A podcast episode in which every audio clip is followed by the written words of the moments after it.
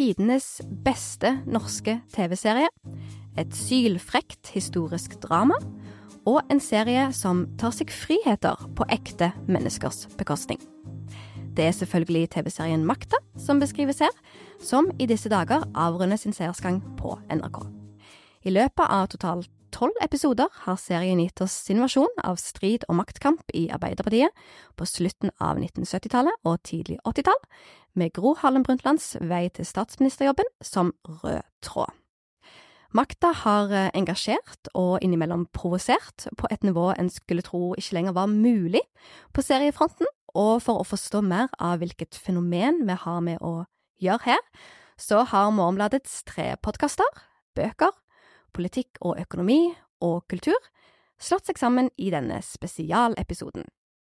Så fra haugene med politiske selvbiografier, biografier og annen Ap-litteratur har jeg med meg kulturredaktør Ane Farsedås. Velkommen. Takk. Og fra Maktens korridorer på Stortinget, eh, jeg aner ikke hvordan Maktens korridorer egentlig ser ut, eh, har jeg eh, kommentator Aslak Bonde. Hallo. Hallo, hallo. Og mitt navn det er da Elise Dybvig. Jeg er kulturjournalist og stiller med mitt serie- og filmblikk, i tillegg til at jeg kan Ja, jeg er vel i dette rommet som er født en god stund etter hendelsene som foregår i serien inntraff. Og bare for å si det, i denne episoden så kommer vi til å òg diskutere de to episodene som ennå ikke har blitt sendt, så eh, da har alle og enhver eh, blitt advart og lytter videre på eget ansvar. Så for å ta det først, og nå har det vært én sesong i høst, eller en del, og så kommer det en ny del nå.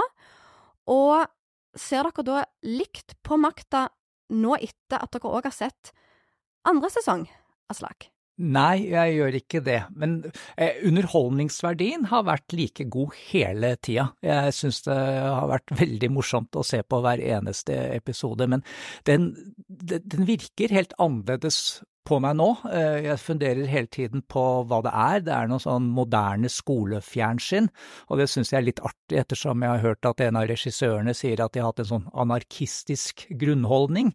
Så, men dette kan vi jo utdype, så jeg bare nøyer meg med det foreløpig. Ja. ja, spennende. Ane? Eh, nei, jeg ser på den egentlig ganske annerledes eh, nå. Eh, mange av de tingene som ble liksom fastslått som nærmest sannheter om denne serien etter første sesong, det liksom formlekne, ironiske, satiriske, det blir jo utfordra i denne sesongen her, med episoder som har en helt annen stil og karakter. Så det er det ene. Og det andre er jo at det som også var liksom fasttømret som den store diskusjonen, er Gro Harlem Brundtland for mye helt? Er de andre for mye skurker? Det endrer seg jo også totalt. Så, men først og fremst, jeg har også kanskje endret litt syn på noen av kvalitetene ved serien.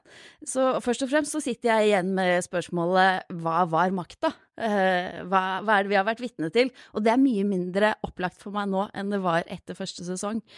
Uh, for det er jo en veldig sånn spesiell eh, TV-serie som egentlig ikke ligner så mye på andre norske TV-serier. Jeg klarer liksom ikke å se likheter, jeg, da, med så mange andre, i hvert fall ikke norske serier.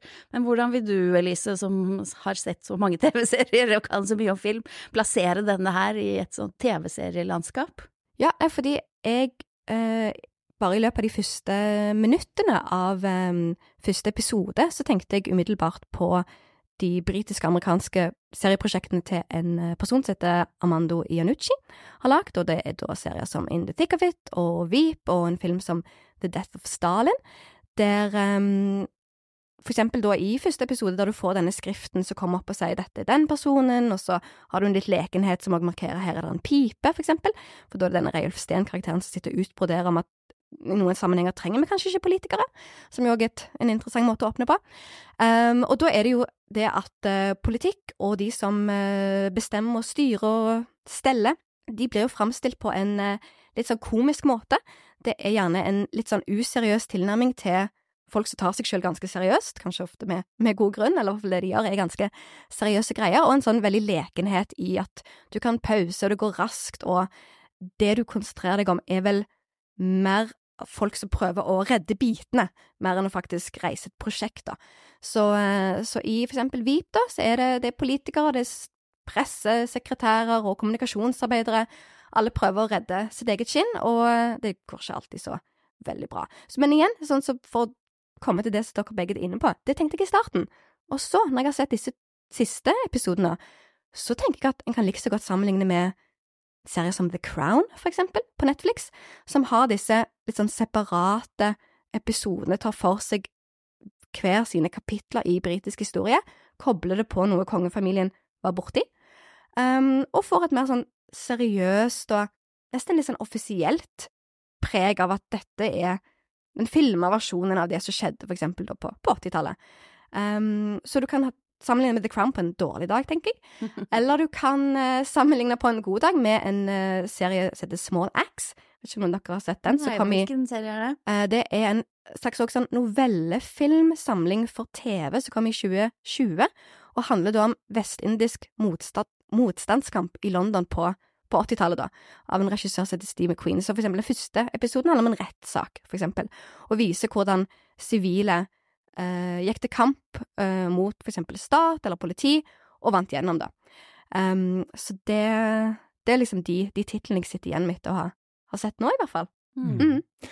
Jeg skjønner nå at min referanse til skolefjernsyn kanskje ikke helt passa, fordi eh, da viser jeg hva jeg har sett på når jeg hører på deg.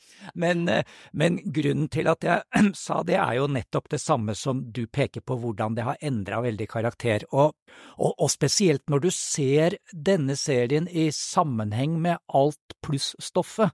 Alt det stoffet som NRK jo lager, mens også andre medier lager, om hva som egentlig skjedde, så, så blir det veldig sånn veldig interessant hvordan du sitter der plutselig og føler at ja, men dette er jo folk som vil lære den nye generasjonen om om uh, både politikk og norsk nyere historie. Ikke sant? Jeg har hørt en del intervjuer nå da i det siste på, med serieskaperne, og de snakker blant annet om hvor viktig det er å få fram hvilket forbilde Gro var. Og, og, jeg er helt enig med deg, Anne, at eh, hun blir jo ikke ubetinget forbilde når vi nå har hele serien bak oss, men, men, men bare det som en ambisjon å få fram det også, da, da plutselig så krasjer det litt med dette som de også sier om at de bare skal være lekne. Og, og, det var jo så artig da du sa det der med starten, jeg hadde helt glemt, de starta jo med Reivor Steen som satt og snakket om Bakunin, ikke sant? Mm. Det hadde jeg helt glemt, men de, de, ga jo på en måte det anslaget også, så det er en uh, veldig, veldig uh, utvikling i serien som jeg både liker og ikke liker. Ja, for det er veldig interessant å liksom tenke hva, hva tidspunkt er det denne serien kommer på i et sånn TV-seriesammenheng, og nå har du for rundt sånn 20-15 år siden så tenkte jo alle at hvis du var ambisiøs som historieforteller, for å bruke et litt eh, rart uttrykk, så var det i TV du skulle være, og du hadde serier som Sopranos og Mad Men og, og den type, som virkelig liksom et, et ambisjonsnivå uten liv. Filmen var liksom utdatert, der var det bare stagnasjon på alle mulige plan, men i TV, der kan du fortelle med liksom lange historier, du kan følge karakterer over tid, og, og så fikk du jo det uttrykket om at uh, serien var den nye romanen. Um, men så for ti år siden så kom strømmetjenestene, og da skjedde det òg noe med TV-serien. Episodene ble kortere, sesongene ble kortere, alt, kom på en gang. Um, så gjorde mange mener begrensa veldig hva du kunne faktisk fortelle da, i løpet av en sesong. Og da kommer det en serieskaper som Johan Fasting, som jo tidligere har jobbet med Heimebane, som er vel kanskje, sammen med Skamskaper Julie Andem, liksom den virkelig liksom, store, ambisiøse serieskaperen som um, Norge har liksom å by på. Og, eh, og lager da denne makta sammen med eh, Silje Storstein og Kristin Grue, og vil da For jeg husker jeg, jeg intervjuet han for to år siden, der han sa at han nå var lei av TV-serier, slutta helt å se TV-serier, de gir han ingenting, nå ser han bare film, men at makta skal liksom være den siste testen på kan du virkelig ta deg alle mulige friheter i TV-serien og komme unna med det? Og så kommer makta, og så skal bevise det eller ikke. Uh, Ane, hva, hva, tenker du? ja, er, det, er, det, er, det, rom? Uh, altså, nå har han jo også sagt til oss i et nylig intervju, uh, Johan Fasting, at han er veldig lei av TV-serien også. Ja, ja, ja. Og at dette også har vist han begrensningene, da. Mm. altså, jeg stiller meg jo selv spørsmålet om den kombinasjonen av satire, ironi og inderlighet som jeg ikke får helt grep om. selvfølgelig er det spennende og rart å kombinere de to tingene. Og det er jo på en måte, hva skal vi si da, tre eh, skolefjernsynsepisoder, eh, for å bruke ditt begrep, Aslak. Den første, 'Elva skal leve', om Alta-aksjonen, den oppfatter jeg som sånn ganske rett fram i å ville fortelle om Alta-aksjonen for nye Eh, nye målgrupper eh, som ikke har opplevd den. Og så har vi Den demokratiske republikken, eh, episoden fra Utøya med Reiulf Steens eh, tale. Eh, den gjør jo noe av det samme, snur plutselig opp ned på det bildet av Reiulf som vi har hatt. Eh, men jeg stiller meg jo da også spørsmålet, hvis det er må, eh, Hvorfor er det det som er valgt ut, å være inderlig? Eh, hvorfor er det det som er tema for de inderlige episodene? Eh, og det andre er selvfølgelig, hvis det er målet Jeg skjønner jo ikke helt sammenhengen mellom å ville formidle historie og så finne på ting som er fullstendig fiktive, som bare forvirrer. fordi i denne episoden slutter det jo med at Reiulf Steen og Gro forsones. Det er jo stikk motsatt av virkeligheten, og det går også motsatt vei av Eh, virkeligheten. Eh, Reiulf Steen utga to memoarbøker som vi kan snakke mer om etter hvert, men det, i den ene så er det jo i 1986 er det forsonlig tone, i 1989 er det det motsatte.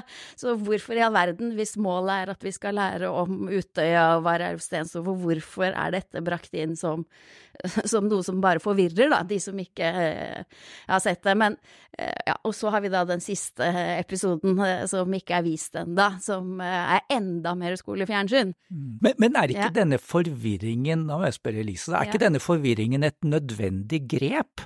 Fordi de er jo så opptatt av å si dette med at det både er løgn og dårlig hukommelse, i tillegg til sannhet, så, så på en måte er de ikke nødt til å gjøre sånne ting for å ta vare på øh, den ideen og verne om den? Jo, absolutt, og jeg vil jo si at det er jo litt Jeg tenker at det er litt kult at du har hatt en serie som først har gitt oss eh, noen spilleregler, Sånn fungerer det, med, med bryte og eh, skuespilleren ser inn i kamera, må ta replikken sin på nytt, og eh, du får den sånn febrilske kravingen i kulissene når liksom maktkamp og striden begynner. Og så begynner han å gjøre noe litt annet som gjør at du må tenke Eller du må liksom aktivisere deg på nytt som seer, da. Og da tenker jeg at det er den første delen i mye større grad leker med TV-format i form av klipp og lyd og alle den type ting, så er det mye mer teatergrep òg i andre del. Mye mer den der at du uh, for eksempel en eh, episode der en karakter sier 'gi meg en stiftemaskin', så kommer det noen med stiftemaskin. Når en skuespiller så spiller flere av karakterene, for eksempel. Um, men jeg vil jo si et hoved Jeg er litt spent på, dere, spent på, hva dere tenker, fordi at i den første delen så er det en forteller i stor grad, nemlig denne edderkoppen, Arvid Engen som da trekker seg unna, og da er det på en måte ikke en forteller på samme måte til stede i del to, eller er det det? Ja, er det det? Eh, hvem er i så fall fortelleren? Nei, det har jeg ikke tenkt på. Ikke jeg heller. Eh, nei. Nei, for jeg opplever, bare... opplever, jo nettopp at de er veldig ulike, disse episodene. Ja. Og det er jo det jeg lurer på, hva forteller de som helhet? Ja. Snakker disse episodene sammen på, på, noen måte? Hva blir fortalt? Den første sesongen har jo en forteller, og det er på en måte satiren over Arbeiderpartiet. Det vi lærer av den, er greit, dette her, den gullalderen og hvordan sosialdemokratiet ble bygd opp etter krigen, og landsfaderen, landsmoderen, vi gidder ikke å ta den eh, heroiske historien en gang til. Nå setter vi det i parentes, det som sosialdemokratiet har fått til, og så snakker vi bare om maktspillet og det som er på baksiden, ikke sant. Eh, bare det lave og det mellommenneskelige og spillet. Mens denne sesongen her, den bygger jo opp igjen halvparten av det, holdt jeg på å si. Men, men, hvorfor er det akkurat de tingene som er valgt? Hvorfor er det akkurat disse elementene som, eh, som er med? Jeg greier ikke helt å se at det fortelles en historie historie, men er det noen forteller? Du har hørtes ut som du hadde en tese, Elise. Ja, eller det er vel mer det at når det ikke da er en forteller, så blir du da overlatt litt til deg sjøl, um, og, og tenker hva, og prøver å finne en, en um, bro mellom disse. Men det er jo òg veldig sånn et for så vidt ganske gjenkjennelig grep fra for eksempel The Crown, som etter hvert som kongefamilien mister mer og mer grep om liksom, å være, spille sentral rolle i samfunnet, liksom, posisjonen blir bare mer og mer eh, irrelevant, så, så bruker en heller en episode til å fortelle en lukka historie, en kapselepisode, så går en videre og forteller noe annet. Sånn at det eneste som blir et fellestrekk, er at du ser noen av de samme karakterene over tid, da. Um, men jeg vet ikke helt om det er så engasjerende å se på. Når Nei. du da mister den drivkraften som jo følger for eksempel det å se Gros reise til, til toppen, da. Nei, det er kanskje ikke så engasjerende. Jeg sitter bare og funderer på det med fortellerstemmen. Altså, det kan jo hende at de kan sin Jens Arup Seip, disse folkene. Historieprofessoren som holdt det berømte foredraget i Studentersamfunnet i 1963, fra embetsmannsstat til ettpartistat. Det var historikeren Jens Arup Seip som formet egentlig alle de begrepene vi politiske journalister enda bruker om Arbeiderpartiet. Ikke sant? Altså ørnen blant partiene, Gerhardsen kunne skyte når andre måtte dø, når noen måtte dø. Alle disse begrepene de kommer fra historikeren Jens Arup Seip, og han skrev også, det minnet Rune Slagstad meg om i et essay som han skrev i Dag og Tid for et par uker siden. Uh, Jens Arup Seip minnet jo også om hvordan vi faktisk ikke visste noe om hva som skjedde innad i Arbeiderpartiet. Det var helt lukket, offentligheten visste ingenting, og det var på en måte der uh, hele etterkrigssamfunnet ble skapt.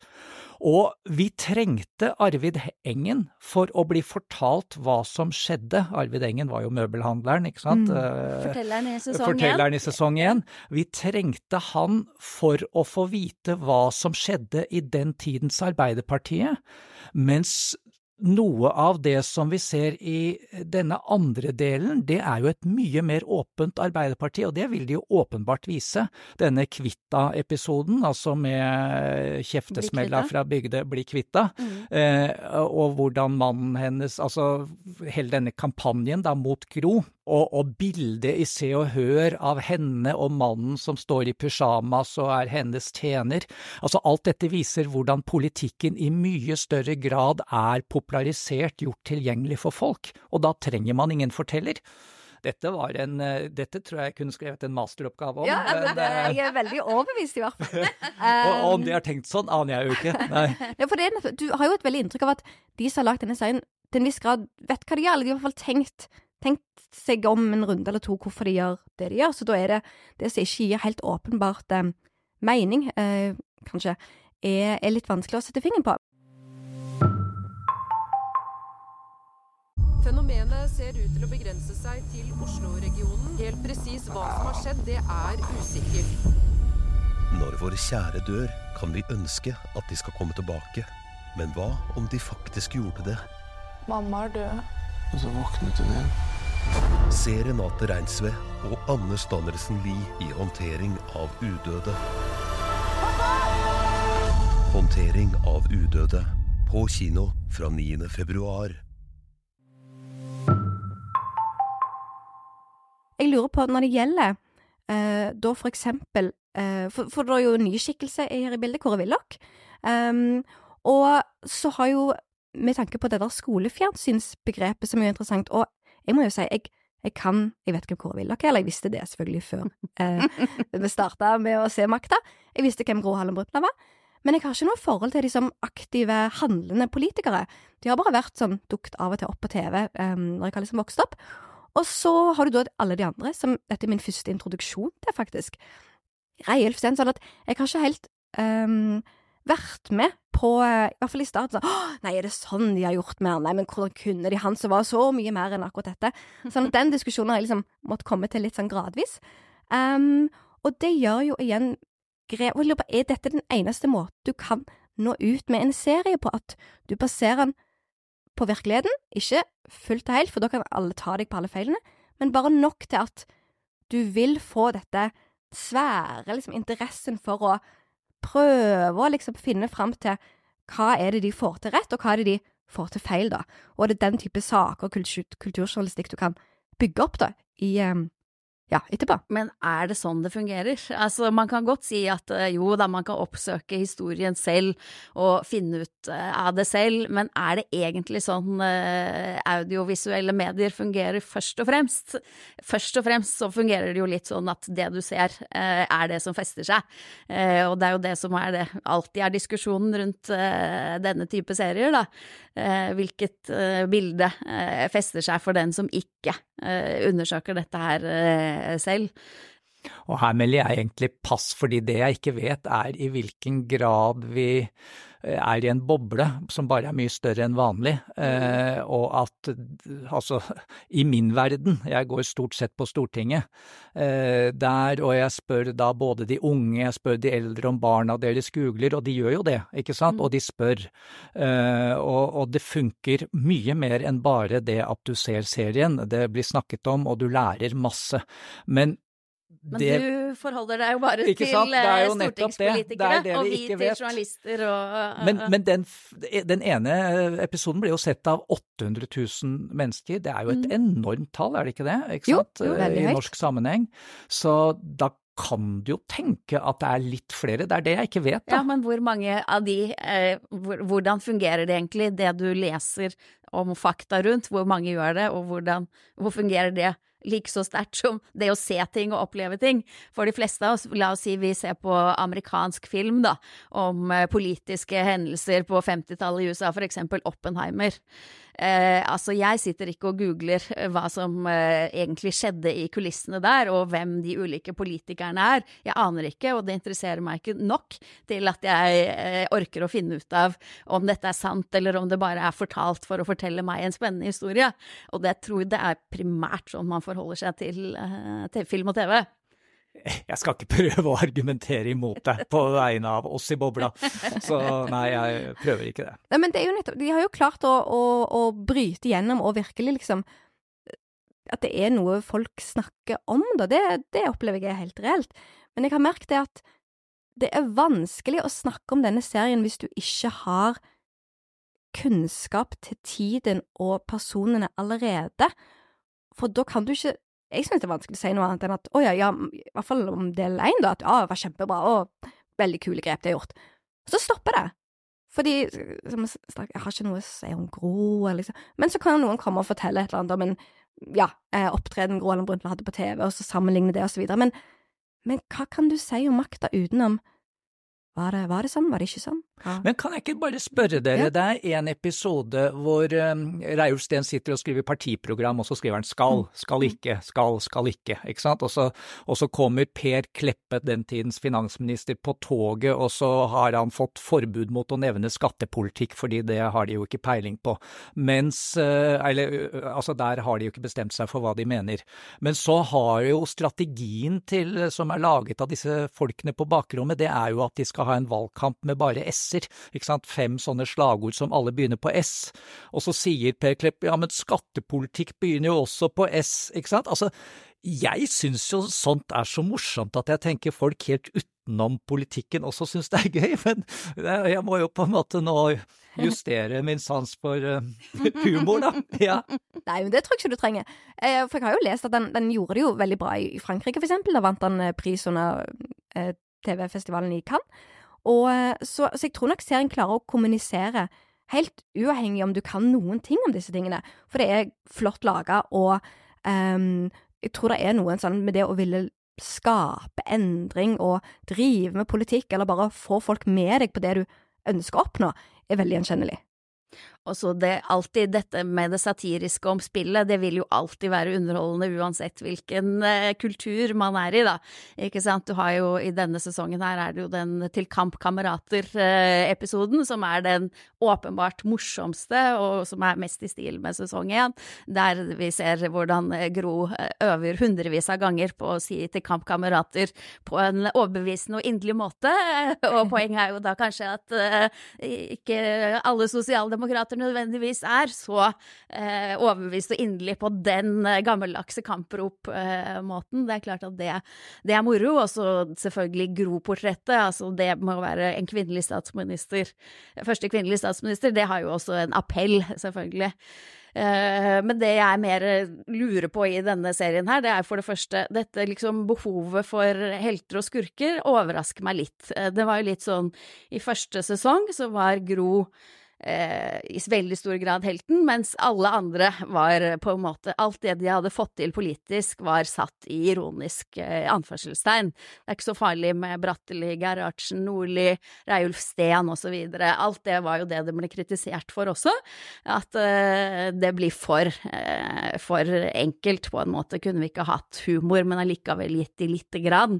Eh, latt dem være litt engasjerte, de også. Eh, det er jo ikke sant, ikke sant. Men så får vi sesong to, der det nesten er motsatt, ikke sant. Det er gøy at Gro nå har makta, men Og nå er det jo da nesten snudd opp ned, sånn oppfatter i hvert fall jeg det, eh, med den eh, Utøya-episoden der Reiulf Steen på en måte er helten, og han er jo den eneste som får komme til orde med et politisk budskap, har en kjempelang politisk tale, jeg vet ikke hvor lang den er, tolv minutter, aldri sett noe lignende.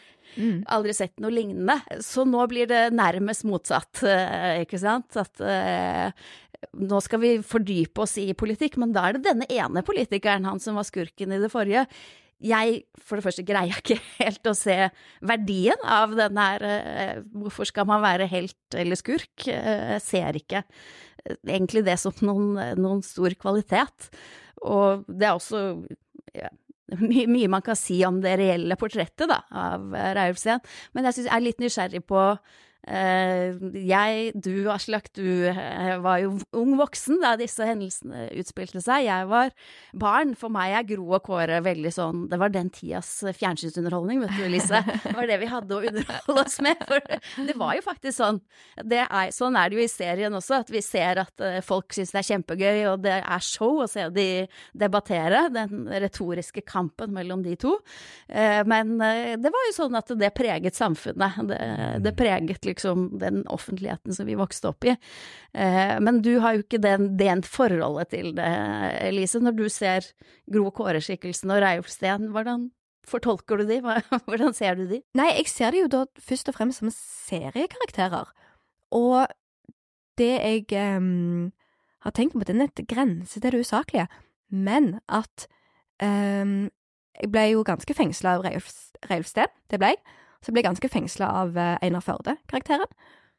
Så når de etter hvert eh, beveger seg bort, og du får Kåre Willoch i stedet, i eh, Torbjørn Harr sin versjon, og Torbjørn Harr er jo ganske kjekk, absolutt, men de har ikke Kåre Willoch-karakteren har ikke den samme liksom, fengslende gnisten over seg, som gjør at det hele blir litt kjøligere. Sånn at jeg føler at mm, Han har jo snakket mye om hvordan de sier at de er basert på sannhet, løgn og dårlig hukommelse, men at de kunne vært enda mer slepphendt med den sannheten hvis de likevel først skulle lage sin versjon av denne tiden, sånn at ikke havne i en sånn litt sånn rar sånn mellomklemt at å nei, nå må vi inn på Kåre Willoch, men det hadde vært så mye gøyere å bare henge med innenfor, det kunne vi ikke bare gjort det bitte litt til, men at det må liksom videre i denne litt sånn historiske eh, periodedramaet likevel, da. Syns du Gro og Kåre er kjedelige?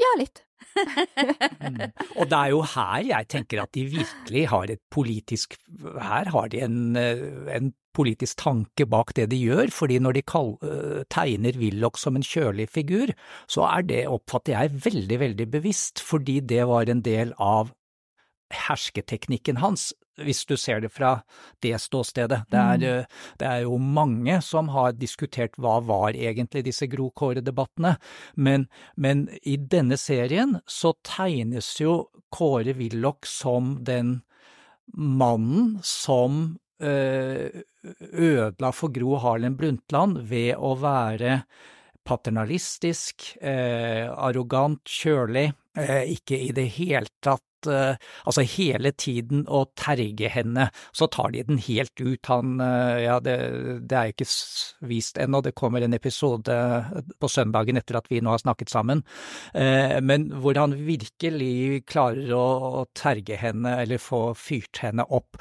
Og det er jo nettopp ved den kjøligheten. Det er jo nettopp fordi han ikke er på en måte et menneske, han er bare en sånn politisk motpart som, som øh, hun ikke helt klarer å forholde seg til, da. Å, jeg syns eh, Kåre og Gro var kjempemorsomt, jeg. Ja. Syns du det? Ja, det syns jeg. Det var som en eh, reenactment av de morsomste debattene de hadde. Jeg syns Kåre-skikkelsen er morsom. Jeg syns han er eh, et artig bilde på, hva skal vi si da, distingverte gamle menn fra den delen av samfunnet. Eh, jeg syns den, den, det er nettopp det at de viser fram den retoriske måten han klarer å hisse henne opp på, og den jobben som hun måtte gjøre for å overkomme ikke bare han, men seg selv, eh, og sine egne instinkter eh, på hvordan hun reagerer på det, er eh, ganske underholdende. Jeg syns flodhesten er blant de morsommere episodene, men jeg lurer jo også igjen på hvorfor i all verden skal vi forlate realismen akkurat der? Det skjer et voldsomt realismebrudd. Så kan du bare forklare kort hva det går ut på? Det er jo da altså en eh, påstått flodhest uh, utenfor eh, debatten, der det først det, er, det virker jo som et grep som er for å sette debatten, retorikken ad absurdum, da. Har du sett en flodhest eller ikke? De ser verden helt forskjellig, sånn at uh, de ser det så forskjellig faktisk at uh, man må helt ned på den kan jeg, har du egentlig sett denne flodhesten eller ikke? Men så utvikler det seg der bare derfra til at det bare er show. Eh, at det bare er song and dance. eh, At de bare er underholdere. Og, men når det gjelder dette med sånn skurker og helter, så lurer jeg på um, I hvilken grad er liksom den vanlige politikken en følger, og en iscenesettelse av skurker og helter? Jeg tenker òg på hvordan de kommer fram i, i biografier som enten skrives av de sjøl eller andre etterpå. Det der med Hvor mye er, er politikk en eh, øvelse i å enten spille helt eller skurk i, i partiet du er en del i? I veldig stor grad. Altså, det er, vi ser det jo nå, ikke sant. Altså, det er jo det det dreier seg om. Altså, du får ord på deg for å være god, og du får ord på deg for å være dårlig. Helt, helt og skurk eh, forholder vi oss for gode til. men, eh, men ikke sant, altså, og vi ser jo nå på Jonas Gahr Støre. eh, Han har ikke noe drahjelp av omdømmet sitt nå, og, og det er jo en del sånn helt og skurk-dynamikk, så, så der treffer de jo på en måte, uh, og, det, og det er viktig, altså det er det jeg mener med skolefjernsyn, at denne serien forteller jo masse om politikk, både om norsk politikk, men også om politikkens vesen. Rune Slagstad i eh, det essayet, han sier jo at dette er, dette er Machiavelli, altså her får vi på en måte eksponert hvordan Machiavelli virker i politikken. Og spesielt nå i disse siste episodene, så altså jeg oppfatter denne flodhestepisoden litt banalt, egentlig, fordi det dreier seg om hvordan politikk blir gjort til show. Altså de sier det så direkte at jeg syns uh, dere som eh, driver med slikt, uh, må jo synes at dette er for banalt. det er ganske banalt, eh, Men, uh, men, men samtidig så oppfatter jeg jo at det er veldig viktig for dem å få sagt det, fordi dette var jo på en måte politikkens forvandling. Det personfokuserte, eh, hvor man da gikk bort fra å snakke om de politiske sakene, men heller snakket om en flodhest på bakrommet, ikke sant. Så ja, jeg, jeg må jo si at jeg syns jo sånn på politikkens vegne at det er veldig gøy å, å se på dette også, men Det, eh, det er litt artig at du bruker ordet skolefjernsyn som noe positivt. Det, det hadde jeg ikke forventa når du trakk inn det begrepet. Ja, og det var oss jo som- ikke positivt da jeg gikk på skolen, for da hadde vi skolefjernsyn, og det var jo dørgende kjedelig. Og for nettopp dørgende kjedelig. Nå eh, kommer til. Vi som vokste opp på 70-tallet, vi var jo den siste generasjonen som vokste opp med skolefjernsyn på 70-80-tallet. Og det er jo eh, et eh, Det man assosierer med det, er dørgende kjedelig, selvfølgelig. Overpedagogisk. Eh, overkorrekt. Voksne som skal fortelle deg at du må ta tran, pusse tennene og lære om alt som er viktig i samfunnet. Det er jo det vi forbinder med skolefjernsyn, er det ikke det, da? Ikke sant? Men jeg sa vel å merke, jeg sa moderne skolefjernsyn. Ah. Ikke sant? De har laget det på en ny måte, så ja, Ja. men, Men hva med disse skolefjernsynsepisodene, som vi kan Ja. kalle dem, eh, Alta-aksjonen, eh, i særlig grad kanskje Utøya-episoden, med den kjempelange, uvanlig lange eh, talen, og den siste eh, episoden, som da er barna til sosialdemokratiet, representert ved Nini Stoltenberg. Der har vi liksom eh, den siste sist, og den er veldig skolefjernsyn etter mitt syn. Eh, hva syns vi om disse episodene? Er det dørgende kjedelig å se på skolefjernsyn, eller blir det morsomt i denne sammenhengen? Det, det jeg har um, tenkt litt på de siste dagene, er jo, sånn som du, Aslak, nevnte dette med at en har hatt en visjon om å lage en anarkistisk serie. Så lurer jeg på, kan du være anarkistisk i både form og innhold? Eller er det liksom to motsetninger, at med en gang du begynner å bli bokstavelig talt anarkistisk i innholdet, at da, da, tror du på noe, da, da vil du um, formidle noe med litt sånn drømmende tenåringsblikk, så bryter òg den anarkistiske formen litt ned, for da får du en ganske inderlig historie om det å ville utfordre, og hvis du er 17, så, så gir det helt mening, og så fra et annet ståsted så blir det litt plumpt, platt. Ja, for denne siste episoden, den er jo nærmest som at uh, Lena-karakteren fra Døden på Oslo S gjenoppstår i skikkelse av uh, Nini Stoltenberg. Det handler jo da om ungdomsopprøret, 1. mai-opptøyene, som var en årviss ting på 80-tallet. Og det er en kraftig inderlighet der. Eh, det handler jo da om uh, hvor grusomt det er at politikerne ikke gir nok til ungdom.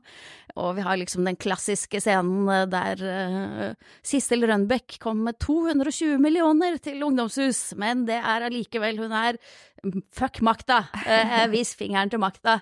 Eh, det er liksom sånn Vi er tilbake på noe som jeg trodde vi slutta med. jeg så Nettavisen sammenligna det med Vam og Vennerød. Ja. Um, så, men det er jo interessant, da. Ja, og jeg, altså, jeg vil ta det med beste mening der òg, jeg, fordi, ikke sant, altså, eh, disse andre episodene, de viser jo hvordan politikkens forvandling, ikke sant, det personfokuserte, hvordan man går bort fra de, de saksorienterte debattene over til de personorienterte. Denne serien, den siste, som, som jo heter Søpla, den, vi kaller den Ninni-episoden, men den heter Søpla, mm. og det er fordi de er veldig fascinert av hvordan folk fra Gateavisa-miljøet drev og stjal søppelet til de politiske lederne, og så drev med noe, hva heter det, garbalogi eller noe sånt? Garbalogi, ja. ja. Og da skulle si noe om hvordan de politiske lederne er ut fra hva de eh, kaster i søpla. Og, og jeg oppfatter vel at de forsøker der å si hvordan ok, politikken forandra seg i veldig stor grad, men samfunnet det, det var stivna fortsatt, og der krevde man opprør på en helt annen måte, og det var uh, fuck politiet og veldig mye å vise fingeren til Altså, vise fingeren var jo egentlig et hovedtema. Og og ja, jeg, men jeg er altså en veldig velvillig seer. Det, selvfølgelig er jeg det, det er jo politikk det som er utgangspunktet, ja.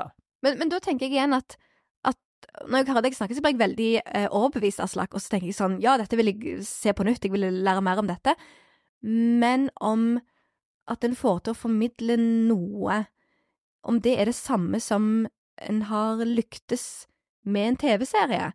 Um, og det kan, kan være tilfellet eller ikke, men så bare at det er noe annet som uh, Johan Fasting har sagt i intervjuer tidligere, bare om TV-serier generelt, at veldig mye av det som lages, Um, eller med strømmetjenester, at det var helt midt på, altså midt på treet. Det var liksom verken kjempebra eller liksom bra lagt og fine replikker og sånn, men det var ikke noe du festa deg ved.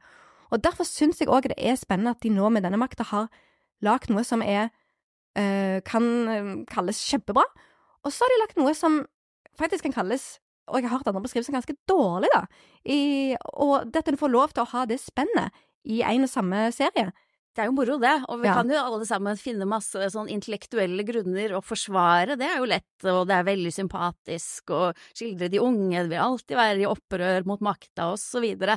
Men jeg greier ikke å fri meg fra at jeg syns at den siste episoden er fryktelig kjedelig.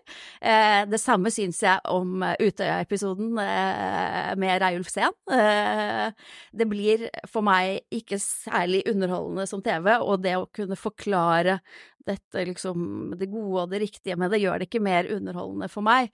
Men det som er i tillegg, jeg, jeg blir også mye mer i stuss på hva er det egentlig vi skal sitte igjen med om norsk historie. Det er det jeg virkelig lurer på. Denne inderligheten, hvorfor er den forbeholdt disse to tingene? Det greier ikke jeg helt å, å forstå, da. Hvis vi allerede har vært eh, enige om at liksom eh, Brattelis eh, kamp mot fascismen er satt i parentes, og at han bare er en latterlig figur, hvorfor er det på en måte Reiulf Steens tale om fascismen i Sør-Amerika på Utøya, det skal omfattes med en inderlighet, det skal liksom uh, vises frem. Hvorfor er det det? Jeg greier ikke å, å men, men, bli imponert over den uh, vendingen i historien, eller, og jeg greier ikke å forstå hvorfor, hvorfor disse tingene er valgt ut som de få inderlige tingene. Nei, vi, vi, vi, må ta litt om den ja, Utøya-episoden, ja. fordi jeg, jeg, var veldig begeistra for den monologen til Raul Steen. Og det er jo ikke fordi de fortalte om fascismen i Chile. Eh, det var på en måte virkemidlet. Det de viste, det var en politiker som kunne fengsle folk, eh, ved, rett og slett ved å snakke. Og det er sånn jeg oppfattet det. Og, og hele scenografien var det ikke Det var jo litt sånn ekstra eh, det var litt sånn kunne være kitsch, kanskje. Altså, det, det, det var litt sånn uh, Ja, det er noe med å sitte på det, den steinen ja. og litt sånn hav i bakgrunnen og men, men, ikke sant, altså det og, og, her, jeg er jo så gammel at jeg har opplevd Reiulf Steen. Jeg har sittet og hørt ham hans siste periode på Stortinget, så gjorde han ikke så mye, men da satt han stort sett på røykerommet som de fortsatt hadde, og fortalte historier og snakket om politikk. Og han kunne jo være fengslende, og derfor så på, i høst så snakket jeg om hvor urettferdig det var at man bare fikk dette bildet av Reiulf Steen med eh, alle hans psykiske problemer og, og, alkoholen. Og nå så ikke jeg, jeg tenkte ikke på Allende og Chile da jeg så den dialogen, jeg bare eh, liksom merket hvordan han klarte å få med seg alle tilhørerne. Eh, og så brød jeg meg ikke så mye om heller dette med at Gro satt der, som var et sånn kunst, altså dramaturgisk grep. Altså, jeg syns rett og slett det minnet om den dimensjonen i politikken som jo nesten er glemt nå. At faktisk politikere, en del av politikkens vesen, er at man også skal eh, klare å overbevise folk, engasjere folk ved hjelp av tale, ved hjelp av retorikk. Og det var jo Reiulf Steen en av de siste som klarte, rett og slett. Ble du fengslet av Stens tale, Lise? Ja, det vil jeg si at jeg eh, tror jeg gjorde. Og så tror jeg òg at det er, en sånn fascinerende, ikke akkurat konflikt, men mellom grepene serien bruker og eh, hva de da gjør. For eksempel den tagningen, den talen, den er ganske så uavbrutt. Det er kamera bare på han, og han får snakke, og det er ikke alle disse hurtige klippene fra liksom tilhører til tilhører, som jo er òg et at, de har den ambisjonen. Hva kan vi gjøre for å holde på seeren og gi dem noe annet enn det de er vant med? Og jeg tok meg selv, ikke i den episoden, men i den Til til Kampkamerater, satt jeg og så, og så var jeg sånn å nei, nå må jeg sjekke noe på mobilen min, å, var det en mail eller noe, mens de spilte, og så skjer det noe, og så stopper jeg opp, hva, hva var det, og da var det et øyeblikk når de bryter skuespillerne og sier sånn, du, vet du hva, vi framstiller jo han nå ganske, ganske tafatt, sier de og peker på noen. Og da var jeg sånn, oi, hva skjedde nå, nå må jeg spole tilbake. Så de, de, klarte å få meg med på det at jeg, nei, jeg kan ikke holde på, på med andre ting mens jeg ser denne, så jeg må konsentrere meg fullt og helt. Og det gjør de òg med den Reiulf-talen, tenker jeg. Ja, det er interessant å diskutere Reiulf Steen-portrettet. Jeg har lest eh, begge Reiulf Steens eh, memoarbøker, de to viktigste fra 86 og 89. Eh, og jeg må jo si at den Steen som fremkommer i serien, syns jeg er veldig annerledes fra den Steen som jeg, som jeg leser. Jeg oppfatter han som både langt mer karismatisk, og det, det, lille klippet som vi får se, det er klippet inn et dokumentarisk klipp av Reiulf Steen på talerstolen der syns jeg vi har karisma og nærvær. Eh, mens eh, i, særlig i første sesong så var jo det at han er litt sånn tusseladd. Han er på en måte fanget av sine problemer, men han, ikke, han har ikke problemer på en sånn eh, kraftfull og karismatisk måte, da. Han er liksom bare svak, eh, nærmest. Litt stusslig type. Eh, og sånn oppfatter ikke jeg han i det hele tatt. Men jeg oppfatter han også som langt mer av en maktspiller enn uh, det som uh, fremkommer her. Og derfor så er jeg også jeg er veldig Nå er det selvfølgelig litt med hvem man er. Altså Eh, Elise, du har jo en gang skrevet i en omtale av eh, verdens verste menneske at siden du var 17 år, så har din største frykt vært å havne i forhold med en eldre mann som skal vise deg verden med obskure visninger på Cinemateket og eh, sære bøker i bokhandelen. Og for min så er den tilsvarende alltid frykten vært å havne på nachspiel med alvorlige unge menn som drar fram kassegitaren og byr på allsang og sin nye enmotale om politiske selvfølgeligheter fremført med stort patos på vegne av eget engasjement.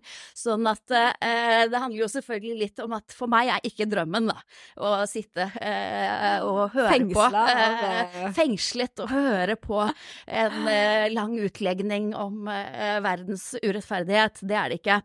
Eh, så det er klart, men jeg har også noen saklige argumenter å by på, ikke bare, ikke bare egen personlighet. Eh, Og det er jo nettopp det med at for det første, jeg syns fortsatt det er et spørsmål hvorfor er det Sten som skal få den rollen, og hvorfor dette temaet.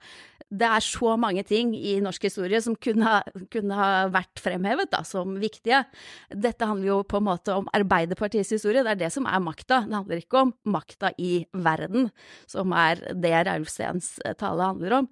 Det er jo flott, men er det viktigste som har skjedd i norsk historie at han giftet seg med en eh, politiker og var engasjert i dette spørsmålet? Jeg, jeg syns det er noe rart med selve valget av eh, han, og selve valget av tema. Eh, og så syns jeg det er også veldig pussig at eh, tross alt bøkene hans viser så til de grader frem hvilken maktspiller han var. Først så utga han en bok som het Der hjertet banker, det er altså på venstresiden i politikken. Eh, og i den boka så er jo alt eh, på fremsiden av politikken, ikke sant. Der er det sånn at jeg tok mitt ansvar og gikk og det var Gro som vant den maktkampen, og sånn var det. Tre år etter så har han blitt avslørt eh, gjennom pressen av å være den som har fòret engen med, med informasjon, edderkoppen altså, og da skriver han en ny bok, eh, Maktkamp, som er den samme boka, men med, med alt vrengt på vrangen. Nå er det satiren over politikken sett fra hans ståsted, eh, men det er til og med de samme avsnittene og de samme, det som ville bli kalt selvplagiering i dag, da. Men her, nå er alt på vrangen. Eh, nå er det, handler alt om hvordan Gro eh, skulle skyve han ut. Eh, han impliserer seg selv eh, noe helt voldsomt i den Engen-affæren. Han prøver å forklare at han ikke var implisert, men ender egentlig bare med å, vise fram eh, hvor implisert han var. Så jeg syns også det er noe veldig sånn Jeg hadde gjerne sett en Reiulf Steen som var både mer karismatisk, men også mer av en maktspiller, og kanskje litt mer eh, demonisk, hvis er eh, Hvis man kan bruke et sånt ord. Nei, men alt dette er jeg enig med deg i. Ja. Eh, og eh, han var jo beregnende så det holdt. Uh, han uh, Jeg får jo fortelle, jeg, jeg har hele tiden vært litt skeptisk til å snakke om Makta-serien med andre folk, fordi det verste jeg veit er gamlinger som sitter og mimrer om gamle dager.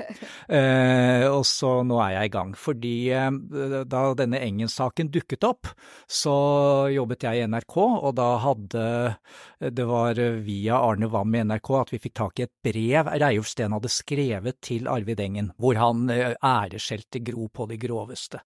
Så en kollega og jeg, vi dro da, og en lydtekniker som vi da hadde på den tiden, vi dro ut til Reiulf Steen med dette brevet på eh, ettersommeren, og så la det frem for ham, og da var han på Nesodden.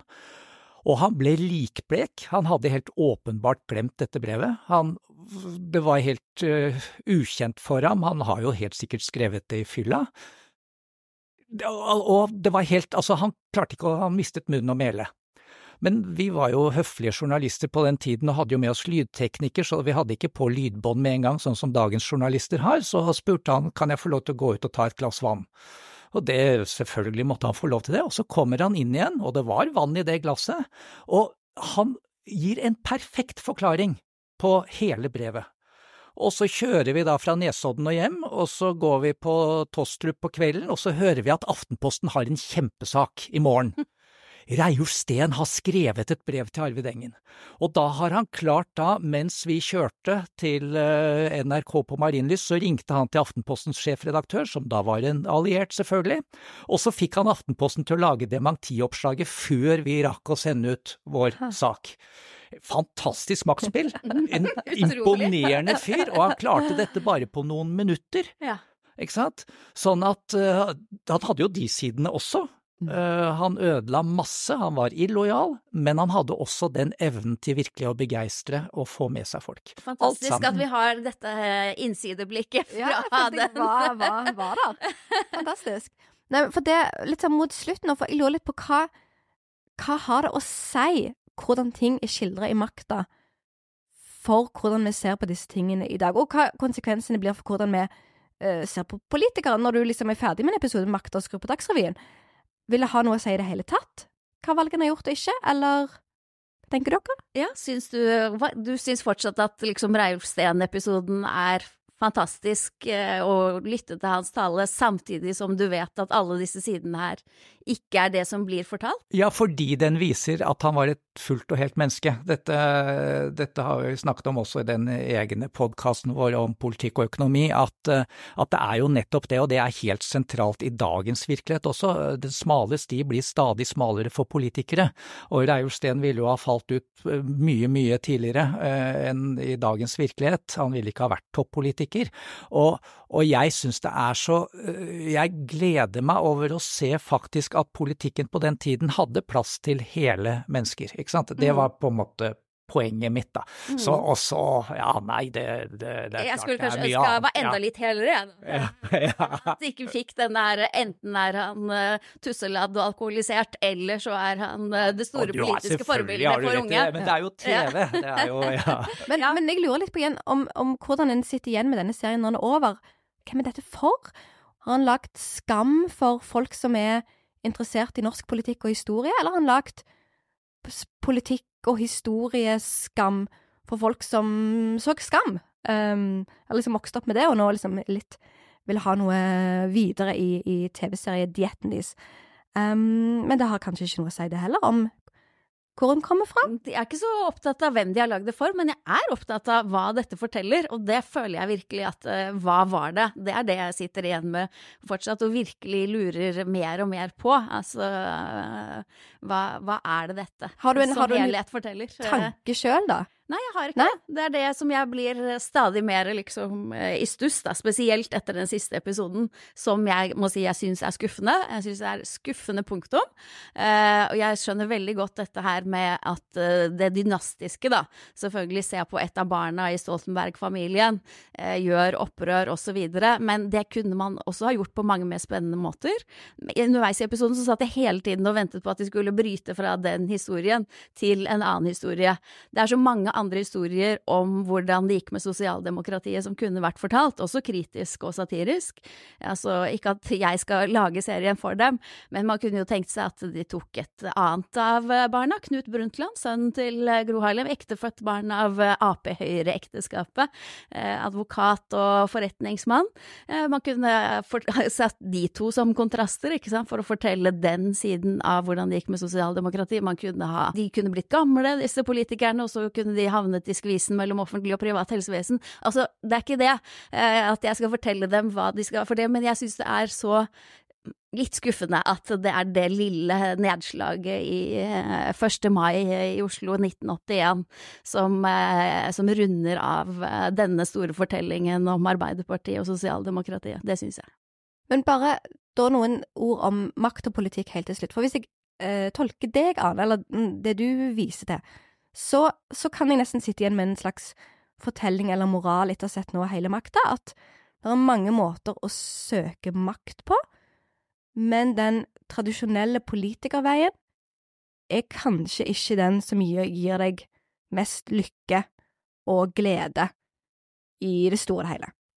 Fordi at det, det å ta makten utenfor de tradisjonelle veiene er den som eh, den, den en kan le minst av, hvis du vet hva jeg mener. Ja, det er ikke, det er ikke komisk og latterlig, men Nei, politikk er er, jo mener. komisk og latterlig i Ja. denne serien, da. Så, det, så det ligger jo i satirens natur, men eh, det er jo dette her med hvorfor, at, sånn som når du sier, hvorfor, hvorfor er de inderlige om disse tingene, og ikke inderlige om disse tingene? Hva har det da å si at en velger å ikke harselere med, ja, utradisjonelle veier til å bli hørt og sett og uh, få gjennomslag på, da? Ja, Dette syns jeg er jeg, er jo enig med deg, Anne. Altså, de, Det trenger du ikke Det var en kjempeidé, det med at de skulle jo på en måte tatt Knut Brundtland, som er en edderkopp i næringslivet, men da tilbake igjen til Jens Sarup Seip, ikke sant. Altså, eh, det som skjer i næringslivet, det maktspillet som Knut Brundtland helt sikkert har drevet med veldig mye av sitt liv, det er det jo ingen som ser. Det er det jo ikke noen åpenhet om. Sånn at uh, også serieskapere griper vel til det som det er mye åpenhet om. Altså, de har jo lest alle biografiene fra Arbeiderpartiet. Jeg hadde ønsket meg en tilsvarende serie om Fremskrittspartiet, som var et vel så Altså, der er det virkelig mye moro å spille på, men det finnes jo nesten ikke biografier, det finnes ikke noe historieskrivning. Så altså, også serieskapere, de tar vel fatt i det de har, og så lager de serie på det, og da blir det politikk, og det blir Arbeiderpartiet. Og disse, men disse har jo langt mer fantasi enn de aller fleste, da. Og for å si det, nå har jeg sagt eh, det som jeg er kritisk til i den siste sesongen. I går kveld så prøvde jeg å se på andre politiske serier, da, for å sammenligne litt og være forberedt. Eh, og da prøvde jeg å se på en serie som jeg aldri har greid å se på før, nemlig Borgen. Og da ble man jo selvfølgelig slått av hvor utrolig konvensjonell og kjempekjedelig den serien er i forhold. Altså, det er jo selvfølgelig da Altså, alt var tilgitt. Ja, og, og det er veldig interessant, episoden. fordi Elise, Ja. du starta med å nevne filmen Stalins død, som da av en av de som jeg ikke husker navnet på. Ja, da. Men, og, ikke sant? Men det er jo helt fantastisk, fordi av og til når jeg snakker med kolleger i politikken om Putin nå, så snakker vi om den filmen Stalins død, fordi den viste jo hvilken frykt det var i Kreml. Ikke sant? Det viste jo frykten, det var ingen leger som ville være der da han døde, fordi de var jo så redd for å bli sendt til Sibir. Og, og vi snakker jo om det nå, som politikken i dagens Kreml, og det er jo på nøyaktig samme måten vi driver med makta også. Vi bruker makta til å snakke om på en måte politikk i dag. Høres ut som et perfekt sted å runde av. Tusen takk til deg som har lytta, og tusen takk til Aslak og Ane, og til vår eh, produsent Emma Johnsen Rødli. Så vil jeg bare minne om at eh, alle tre podkastene fra Morgenbladet finner du ved å søke på Morgenbladet i nærmeste podkastapp. Og så er alle tre podkaster tilbake med vanlige episoder neste uke.